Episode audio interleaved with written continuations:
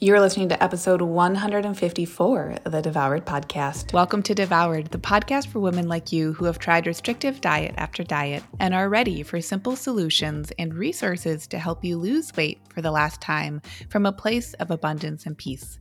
If you're looking to end the yo yo of comfort eating and rigid weight loss protocols and instead step into living your life on your terms while losing weight in the process, you're in the right place. Okay, party people. I I have this non-official list that I did not create and I want to find the creator so I can credit them. It was a, a, an image that I saw on social media and I posted it on Instagram and this post resonated so much with people on Instagram that I wanted to make sure I brought it to the podcast. So I will make sure to update the show notes if and when I can figure out who the heck made this graphic. It's just an image with one, two, three, four, five, six different bullet points. I want to share with all of you this week what internalized capitalism could be looking like. Now, know that this might not be from a official source all about like it may not be from an educator on internalized capitalism, but I just know that when I read this, I was like, "Ooh." And I'm sharing this as someone who is again feeling the whiplash. I like I just want to be real with all of you. Sometimes I listen to other coaching podcasts and the coaches are amazing, but at times I'm like, we don't have to not have these conversations on these podcasts. Like, just like on social media, how we are making statements and being like honest about where we stand with politics or with um, human rights, that Black Lives Matter, that trans lives matter, that we care about people and their full expression of themselves, and that those are human rights. I also wanted to share with all of you these different six bullet points of what internalized capitalism could, could look like because during times of stress, and I personally have a lot of privilege with my day to day life for lots of reasons. And that being said, even with privilege, you can still have hard weeks. And a lot of people in my community in Minneapolis and the Twin Cities are hurting right now and I have ties there personally, but also, even if I didn't, the pain and suffering that is there because of another uh, murder of another black man, Daunte Wright. There's a lot happening, and the trials. There is so much happening, and I'm not eloquent, especially when I'm like trying to be eloquent. Regardless, if you're feeling like you dig into any of the following six behaviors during times of stress, I want to offer you this week that that doesn't mean that anything has gone wrong on your own journey of discovering and upholding what is liberating for yourself. And I share this with empathy and I share it with heart because this is part of that work.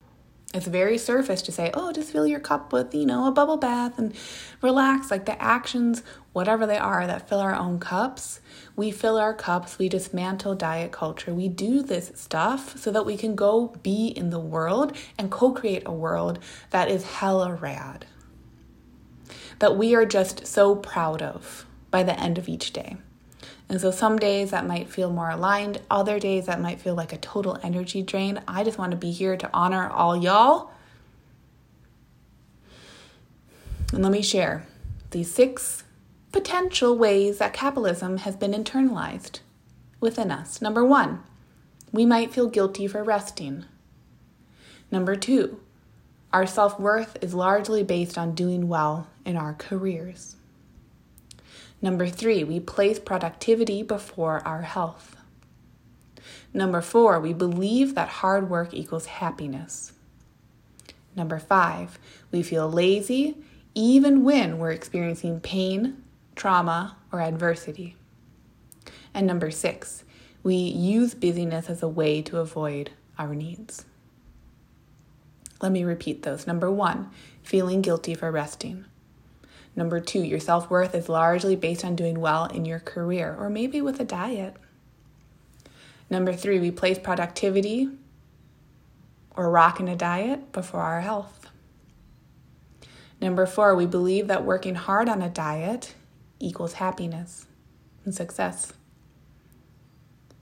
Number five, we feel lazy even when we're experiencing pain, trauma, or adversity, that we're either on the wagon or off the wagon. And number six, we use busyness and co creating lives that are less of our own by always having to be on a diet. And if we're not, then we're lazy off that diet as a way to avoid our needs. I want you to all see that these bullet points they speak to exactly what we talk about on this podcast.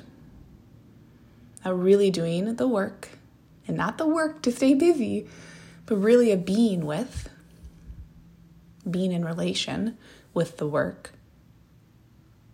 of dismantling diet culture means that we're also dismantling. I teach this in Lean and Liberated. Diet culture is an arm of power and control culture.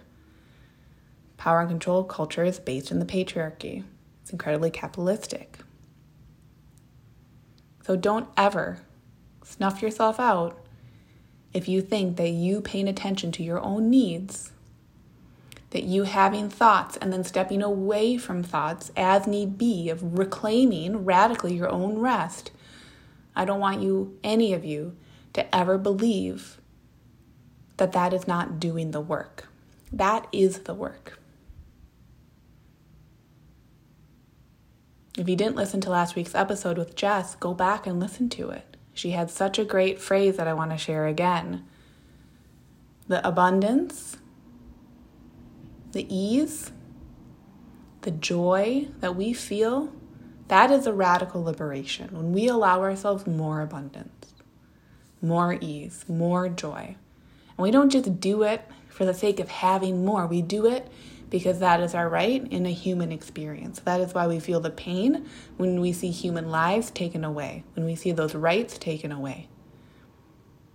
That is why there can be such an uncomfortable disconnect that many of us can have these privileges that can feel like they come so simply to dip in and out of joy in our lives. And we see for many others that because of these systems that are set up, they are not afforded the same privileges. They are not afforded those rights. It is your right to co create a joyful existence.